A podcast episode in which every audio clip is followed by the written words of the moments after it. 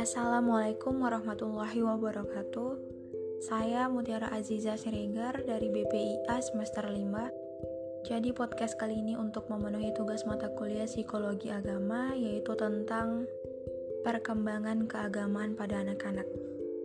Ya, seperti yang kita ketahui bahwa masa anak-anak adalah masa di mana seorang individu mulai dapat berinteraksi dengan individu lainnya. Jadi, pada masa inilah sebenarnya masa emas di mana seseorang itu harus diperkenalkan dengan agama. Karena di masa anak ini, secara pikiran mereka itu belum terlalu kritis, dalam artian setiap apa yang diberikan oleh orang tuanya itu selalu diterimanya. Timbulnya jiwa keagamaan pada anak itu dengan kemantapan dan kesempurnaan. Perkembangan potensi manusia yang dibawanya sejak lahir baik jasmani maupun rohani itu memerlukan pengembangan melalui kebiasaan. Proses timbulnya kepercayaan pada Tuhan menurut Jakia Derajat sendiri itu dengan melalui bahasa. Karena dari kata-kata, orang yang ada di lingkungannya pada mulanya itu diterimanya secara acuh tak acuh. Setelah itulah, karena melihat orang-orang dewasa menunjukkan rasa kagum dan rasa takut kepada Tuhan, maka mulailah timbul dalam diri anak itu rasa sedikit gelisah dan ragu tentang sesuatu yang gaib dan tidak dapat dilihatnya.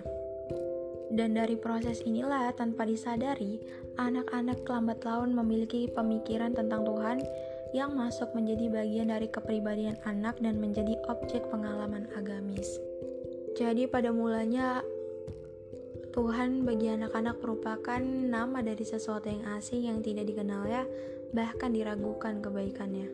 Dengan memahami konsep keagamaan pada anak-anak, berarti memahami sifat agama pada anak-anak.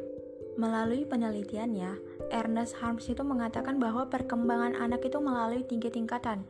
Yang pertama ada tingkatan dongeng. Tingkatan ini dimulai pada anak usia 3-6 tahun. Pada tingkatan ini, konsep mengenai Tuhan lebih banyak dipengaruhi oleh fantasi dan emosi. Yang kedua ada tingkat kepercayaan, pada tingkat ini, pemikiran anak tentang Tuhan sebagai Bapa beralih pada Tuhan sebagai Pencipta. Hubungan dengan Tuhan yang pada awalnya terbatas pada emosi berubah pada hubungan dengan menggunakan pikiran atau logika.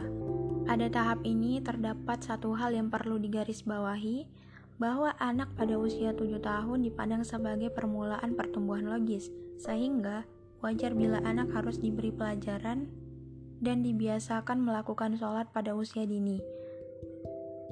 Dan untuk mengajarkan itu semua, pembinaan agama pada diri pribadi anak itu sangat diperlukan dengan melakukan pembiasaan dan latihan-latihan yang cocok yang sesuai dengan perkembangan jiwanya. Karena dengan pembiasaan dan latihan akan membentuk sikap tertentu pada anak yang lambat laun, sikap itu akan bertambah jelas dan kuat. Akhirnya tidak tergoyahkan lagi karena telah masuk menjadi bagian dari pribadi si anak tersebut. Untuk membina agar anak-anak mempunyai sifat terpuji tidaklah mungkin dengan penjelasan saja, akan tetapi perlu membiasakan untuk melakukan yang baik yang diharapkan nanti dia akan mempunyai sifat-sifat itu dan menjauhi sifat-sifat tercela. Kebiasaan dan latihan itulah yang akan membuat anak cenderung melakukan perbuatan baik dan meninggalkan perbuatan buruk. Begitu juga dengan pendidikan agama. Semakin kecil umur anak, hendaknya semakin banyak latihan dan pembiasaan agama yang dilakukan pada anak. Semakin bertambahnya umur anak, hendaknya semakin bertambah pula penjelasan dan pengertian tentang agama itu.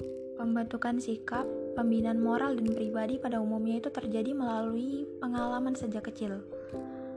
Pendidik atau pembina yang pertama adalah orang tua, kemudian guru, Nah, orang tua sendiri memberikan pengajaran agama pada anak dengan melalui pengalaman yang didapat. Lalu kemudian disempurnakan dan diperbaiki oleh guru di sekolah.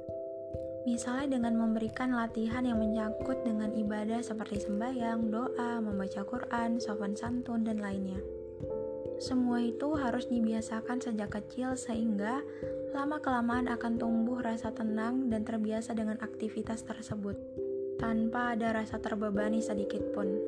Baiklah, mungkin itu saja yang dapat saya sampaikan materi tentang perkembangan keagamaan pada anak. Wassalamualaikum warahmatullahi wabarakatuh.